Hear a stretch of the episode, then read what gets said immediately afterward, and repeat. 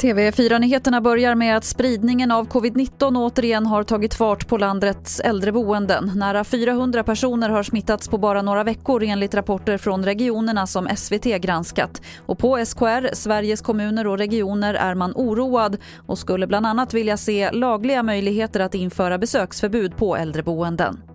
Och från USA kommer rapporter om ett nytt dystert rekord från igår då över 200 000 nya coronasmittade registrerades på ett dygn enligt Johns Hopkins universitetet.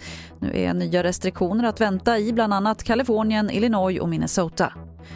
Nu kommer kritik mot Trafikverkets skiss över en bantad höghastighetsjärnväg. Enligt SR är det flera mindre kommuner som ryter ifrån mot planerna på att lägga tågstationer utanför stadskärnorna på sträckorna Stockholm, Göteborg och Malmö. Infrastrukturminister Thomas Eneroth vill inte svara på vad han tycker om den billigare lösningen. Det var det senaste från TV4 Nyheterna. Jag heter Lotta Wall.